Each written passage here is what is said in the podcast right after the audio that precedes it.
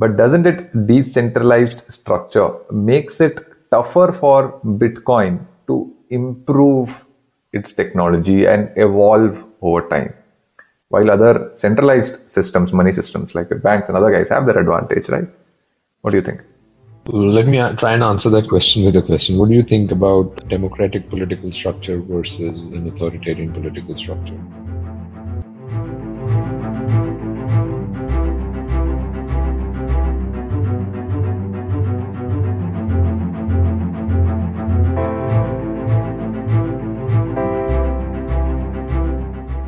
Uh, Vishesh, we've been talking about Bitcoin, ki ye decentralized ledger the technology.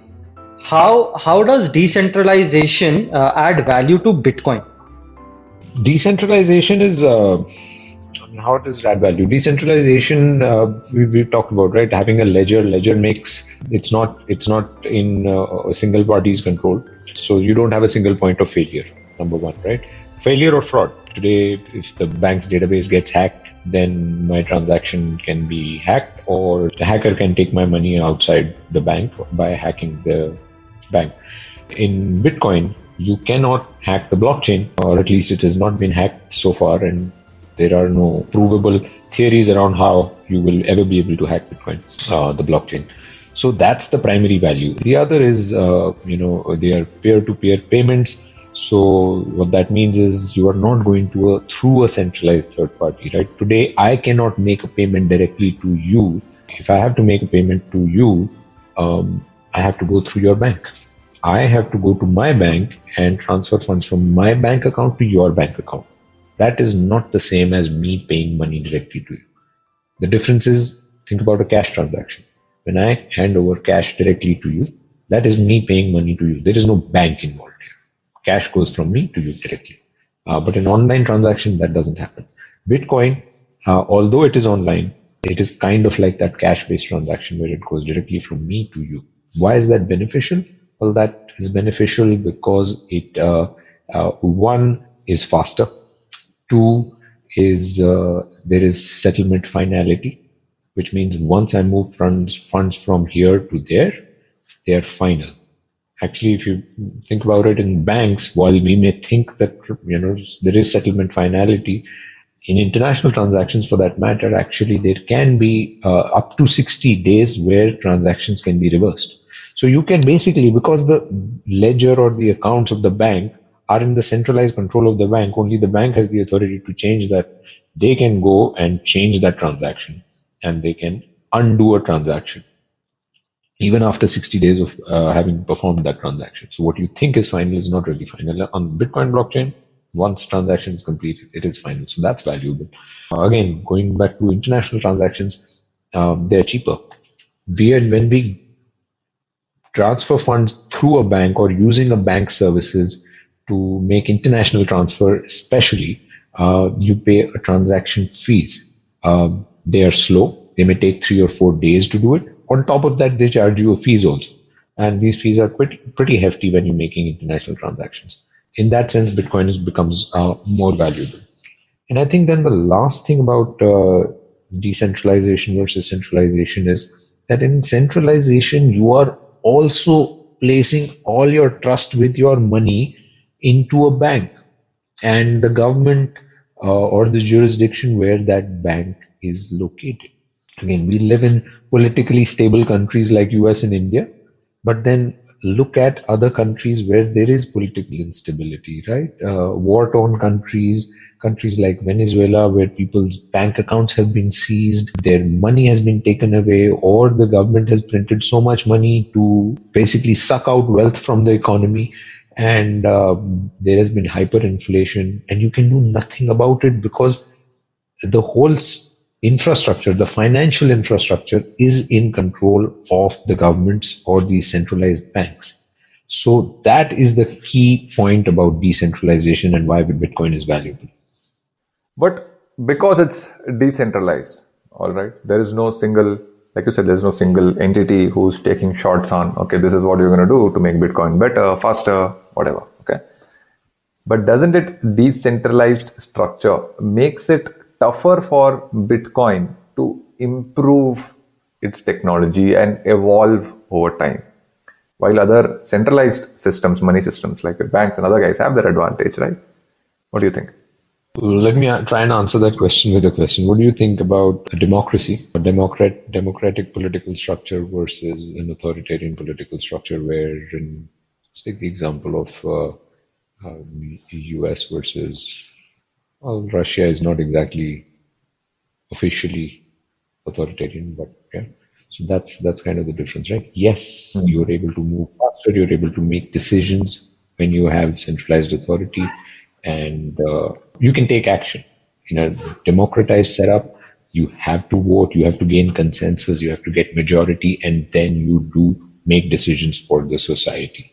So, no doubt that it makes things slower, but you are also not placing everything in the hands of one party. When you centralize structures, you are placing, you're putting all your faith in one party and you're hoping that that one party does not go rogue or does not have ill intentions. Uh, when times are all right, we feel that everything is okay, but that's not always the case. And while we have been thinking everything is all right by placing our trust in the centralized banks, they're quietly chipping away at our savings, right? By printing money very quietly through inflation, we are losing the value of our money. Why should I have to work hard all my life, retire with a chunk of savings, and then for the next 30 years, I keep worrying about things getting expensive and my savings and my retirement funds not lasting me because things are just becoming more and more expensive. That happens because of inflation. And that causes distribution of wealth, income inequality, money goes from lower classes to higher classes of the economic classes of the society. So, so now going back to your original question, which is how does it impact this decentralization impact the you know growth, evolution, and innovation in the Bitcoin space? Uh, like I said, yes, it slows it down, uh, but it makes it a very thoughtful approach, and it allows the entire community to decide. That means that a new change or upgrade, there are people who are working on the Bitcoin protocol. They are developers who are funded by the community or through non-profits or whatever. They're funded through whatever initiatives because Bitcoin is not a company. They don't earn a salary from a centralized authority, but they are funded by the community. Now, these developers, um, there are forums where people who are invested and who are involved in the development of the technology, and there are companies that are invested in the evolution of the technology they all come together they talk about pros and cons of future upgrades and plans what we need to do and then they you know work on the code they work on the upgrade they push out the upgrade to the community they explain what this is going to be about and then the entire decentralized network right the miners the validators you know full and partial node validators the entire community of millions of nodes have to come to a consensus. And how do they come to a consensus? There is no vote button somewhere on some website. The consensus is that who downloads that version of the software that has been released and starts running it on their machine. If more than 51% of the network starts running it on their machine, they have basically voted for the upgrade. So it's not a slow process in that sense. It doesn't take too long. People can continue to work on it the smartest minds and again the community chooses who are the people that uh, deserve to have the right to work on the bitcoin blockchain they work on it but then at the end of the day the changes that make they make don't go into effect unless the entire community comes together and votes on it good example of this 2017 when the hard fork happened bitcoin cash uh, split this is exactly what happened right like majority of the community voted against it Vijesh, one more thing now we are saying it is decentralized, right? So let's say I have a credit card with a bank, a centralized system, and मेरा credit card कहीं misuse होता है या कुछ and it has happened with me personally. A few years back, uh, I was getting small, small transactions every month, which I didn't know, I didn't authorize. So I went back to the bank almost three, four months after the transaction was done, and and I raised a complaint. They blocked my card. All of that happened. They gave me a new card. They took about a month, but I got all that money back. I didn't lose that money. And this could happen because there was a central authority who was responsible for checking if those transactions were legal or not. And they took their time, but they fixed it. But here, that is not there, right? When I'm transferring, let's say if my Bitcoin gets stolen, okay, where do I go and complain? How do I fix it? It's gone, it's gone. I know it gives, it gives me more responsibility. Isn't it? Isn't that a bad thing for some people? Bottom line, I will have to just say that you are right that, uh, you know, it is your responsibility. I'll keep coming back to the cash example. Um, it's like cash, right? Your cash in your pocket is your responsibility. If you lose it, somebody steals it from your pocket, then you can't go to a bank and say, hey, somebody on the street stole my cash. Can you give me some more? So it's like that. So yes, it is your responsibility. Is it a bad thing? Well, as, as bad as, as holding on to cash in your wallet is, but um, it might be a difficult transition for some people to make. Uh, but I think with future generations that are born into the digital era, it'll become uh, second nature. People who get you know who only know how to transact with digital money it will become second nature but if you ask uh, you know our grandparents to start using uh, you know bitcoin tomorrow uh, they might make a few mistakes that might cause them to lose their bitcoin so yes uh, that that downside is there yeah i think it's like to give an analogy to what you're saying like back when smartphones came i remember when i got my first smartphone i i wouldn't put a smart passcode on it i was like कौन चुराएगा इसमें क्या है मेरा photo ही तो है but now, because there is sensitive information, not only do I have a passcode, every, all of us have a passcode or a fingerprint scanner, I also have a constant backup of my phone. So my WhatsApp, everything else is backed up on cloud. So if I lose my phone today, I won't lose anything. Except, actually, I won't lose anything. I have everything on cloud. Right? So that's how it is. And it, while it might have sounded complicated when phones, smartphones started coming into the market, now it doesn't sound complicated. It's just second nature. So I think, like what you're saying with Bitcoin, also keeping it safe and everything will become second nature, and people will not look at it as something complicated or difficult to do. And also, like when smartphones uh, first launch and what smartphones are like now, and the kind of apps there are and services there are now, there are biometrics, you have fingerprint scanning, face recognition, retina scan, etc. Mm-hmm those are upgrades and technological advancements that happen in that space. And so Bitcoin is also going to uh, only going to get better. The user experience is only going to improve, and it'll get very well integrated. I'm, I'm pretty sure into mainstream. Right now, miners are the one who are running, making sure Bitcoin is alive. Right, everything they are approving transactions. They are building new blocks. More Bitcoin is coming into the market because of that right? Their reward halves every, roughly every four years.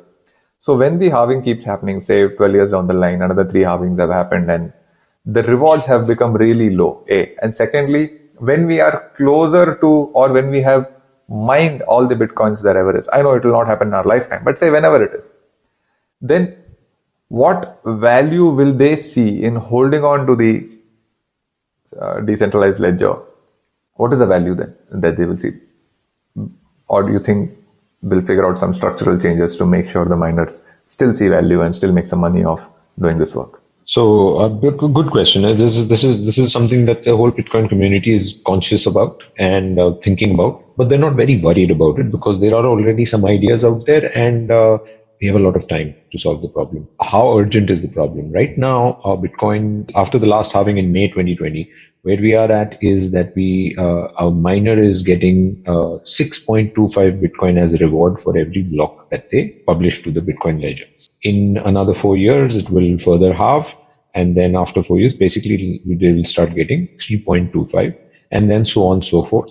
And uh, eventually, it'll there will be no more Bitcoin mining rewards because Bitcoin supply is capped 21 million. All 21 million will have been mined by 2140. So we have 120 years. So that's one thing, right? We have that kind of time to solve this problem. But from now until then, right, you might say, oh, you know, in the next four years also, it might be too little, right? 3.25 may not be enough incentive for a miner to continue to mining. And if, if it's not profitable as an activity, uh, at the end of the day, miners are in, they're like, they're, it's business. So they might leave. Well, that is how Bitcoin has perfectly been able to balance because as the inflation, this is mining is inflation, right? The inflation uh, has constantly been reducing uh, because the mining rewards are reducing. So new Bitcoin supply coming into the world is reducing. So inflation is reducing. So with reducing inflation and limited supply, the price keeps going up, supply and demand. So the rise in price compensates for the reduction in the actual quantity of Bitcoin that you are receiving. So over the next few years, that should take care of this problem. But yes, there comes a point where there are no more mining rewards. That is 2140, you know, estimates.